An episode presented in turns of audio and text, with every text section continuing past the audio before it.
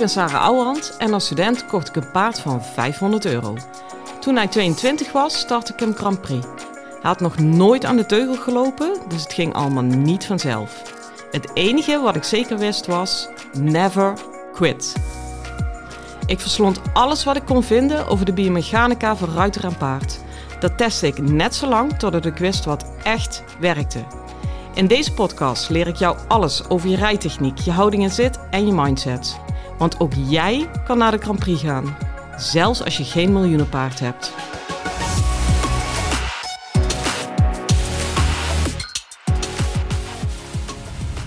Hey lieve paardenmensen, ik ga net weg van stal. Ik heb wel echt een uh, werkdag gehad natuurlijk, maar ik heb lekker afgesloten met mijn eigen wijze ja, steenkolenpaardje. Die overigens echt als de knonnen liep. Dus dan uh, ben je moe maar voldaan. Hè? Ik had uh, echt een hele mooie ontmoeting vandaag in mijn praktijk. Er kwam iemand langs. Nou, sowieso al de manier waarop kan ik ernstig waarderen. Zij heeft in september bij mij uh, die vierdaagse masterclass geboekt. Ik kende haar verder niet, hè? dus zij heeft zich daar gewoon ja, niet helemaal blind op ingeschreven. Ze kende mijn podcast, maar ze heeft niet eerder bij me gelest. En uh, nou, een week later uh, belde ze. Zei ze, nou, ik heb eigenlijk helemaal geen zin om tot september te wachten. Uh, want ik wil nu alvast vooruit. En er is ook echt werk aan de winkel in mijn eigen lichaam. Dus kan ik een persoonlijk traject bij jou kopen in jouw praktijk? Ja, weet je jongens. Echt fantastisch, weet je. Want het gros denkt natuurlijk, oh ja, ik heb toch die vierdaagse, dat zie ik dan wel. En dat is ook zo, hè, met alle respect. Het is niet niks wat je dan koopt. Maar als je dan nog een laag dieper durft te gaan en denkt van, ja, dat is allemaal leuk en aardig. Maar als ik nou zorg dat ik van tevoren al mijn eigen lichaam in orde heb, dan kan ik daar nog meer uithalen. Ja, weet je.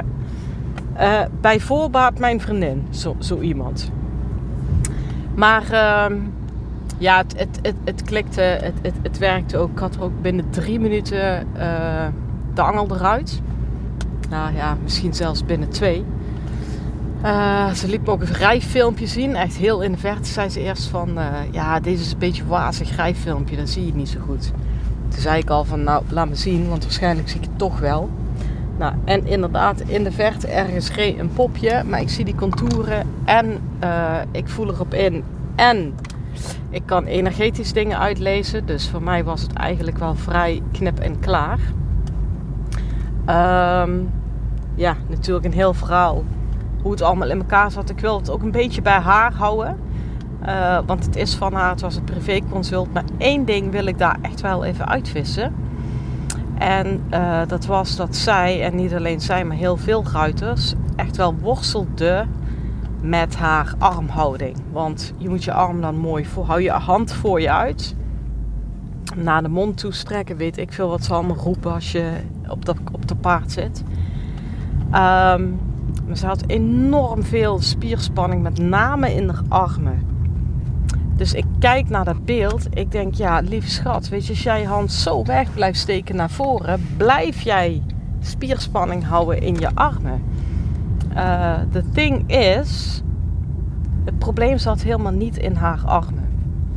En dat is echt eentje, knoop die voor eens en voor altijd echt in je oren. Als je probleem met je handen en of je schouders, is dat in 99% van de gevallen een eindprobleem. Maar het is echt nooit de oorzaak. Die handen en die schouders, maar laat ik het even bij de armen en de handen houden. Die gaan dingen regelen op het moment dat je het op een andere plek niet voor elkaar hebt. Uh, wij mensen zijn uh, grijpers. Daarmee bedoel ik, wij zijn echt gewend om dingen te regelen met onze handen. Dus als je op de stoep loopt en je valt ineens, steek je ook je handen naar voren. Dat zijn reflexen. Uh, vroeger toen we nog in de boom hingen, als zijn de aapjes, slingerden wij van tak naar tak en vingen we ons ook op met onze handen. Uh, en dan met name met het duimgebied was daar heel belangrijk in. Dus dat zit in onze blauwdruk. Dat is heel erg uh, belangrijk om je dat te realiseren. Dat betekent dus dat nog steeds als jouw zenuwstelsel informatie krijgt, ik val of naar voren of naar achter of links of rechts, dan gaan die handen iets doen. Oké? En natuurlijk val je niet zomaar van je paard. Het gros van de ruiters valt, uh, nou ja, één keer per jaar redden we niet. Of je moet wel heel lomp zijn een keer met de paarden die een beetje hè, waar je vertrouwd mee bent. Maar over dat vallen heb ik het ook niet. Ehm, ik heb het over vallende bewegingsenergie. Bijvoorbeeld heel concreet, die dame vandaag in de praktijk, die uh, zat achter haar zitbeenbotjes. Nou, op het moment dat je daarachter zit, wordt die romp niet meer gesteund van onderop. Want zitbeenbotjes zijn het steunpunt van je romp. Oké? Nou, je zit niet op dat steunpunt, maar daarachter. En dat is dus het moment dat je zenuwstelsel de informatie krijgt.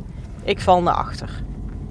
Nou, natuurlijk val je niet naar achter, maar dat komt omdat je zenuwstelsel meteen signalen uit gaat zenden om dat even te regelen dat dat niet zo gaat gebeuren. Dus wat zeggen die handen aan die voorkant als jij naar achter valt? I've got you. Dus die pakken die teugels. En natuurlijk vet gecoördineerd en met allemaal impulsen waar jij helemaal niks meer over te regelen hebt. En dat is dus die onrustige hand. Of in haar geval te veel spierspanning op de armlijn. Uh, maar daar kom je gewoon niet vanaf als jij romp niet goed uitlijnt. Snap je? Um, als ik het toch nog even over die schouders mag hebben. Kijk, schouders die gaan dan optrekken en tillen en je krijgt pijn in je nek. Maar hetzelfde geldt voor schouders. Schouders tillen net zo lang totdat ze gedragen worden. Laat die even binnenkomen. Dus als ze niet gedragen worden van onderop, vanuit je bekken, dan gaan ze tillen. Dus als jij spanning hebt in je schouders, dan kun je ze honderd keer loslaten. Die ervaring hebben we allemaal met zuchten en weet ik veel wat allemaal. Ehm, maar die spanning blijft iedere keer terugkruipen in je schouders en nek. En dat komt omdat iedere keer als jij je schouders loslaat, uh, dat je lichaam dan de informatie krijgt van ja, leuk dat je schouders naar beneden vallen, maar ze kunnen nergens op landen, want je zit niet goed in je bekken. En dan zeggen die schouders, ja, als ik niet kan landen, dan ga ik tillen. Dan hou ik je op die manier omhoog. Snap je? Dat gebeurt ook met armen. Dus ik wil jullie echt op het hart drukken. Als je hier mee zit, ga echt, echt, echt ergens anders op zoek in je lichaam. En ik zei bewust in het begin van deze podcast 99% van de tijd. Want natuurlijk, zeker als je een echt een nekhernia hebt of een polsoperatie, natuurlijk zit er ook wel iets in de arm. Maar uh, begin er niet in eerste instantie, ook niet in tweede instantie, misschien in derde instantie om daarnaar te kijken. Je zag bij haar ook die dame van op het moment dat ik haar uitlijnde op de zitbeenbordjes en die romp voelde zich gesteund. Ik zeg, check nou je armen. Ja, dat was gewoon in één keer goed. Dus je krijgt daarvoor cadeautjes. Alrighty, mensen, ik sta voor mijn uh, deur. Ik denk, ga ik mijn man verblijden met mijn aanwezigheid? Dat weet ik niet, dat ga ik dadelijk merken. Want zo te zien zit hij uh, voetballen te kijken. Het zijn altijd betere momenten om mannen te storen. Dus uh, nou, ik zal kijken hoe lang dit goed gaat. En ik wens jou in ieder geval een hele fijne dag en veel plezier met je paard. Hoi!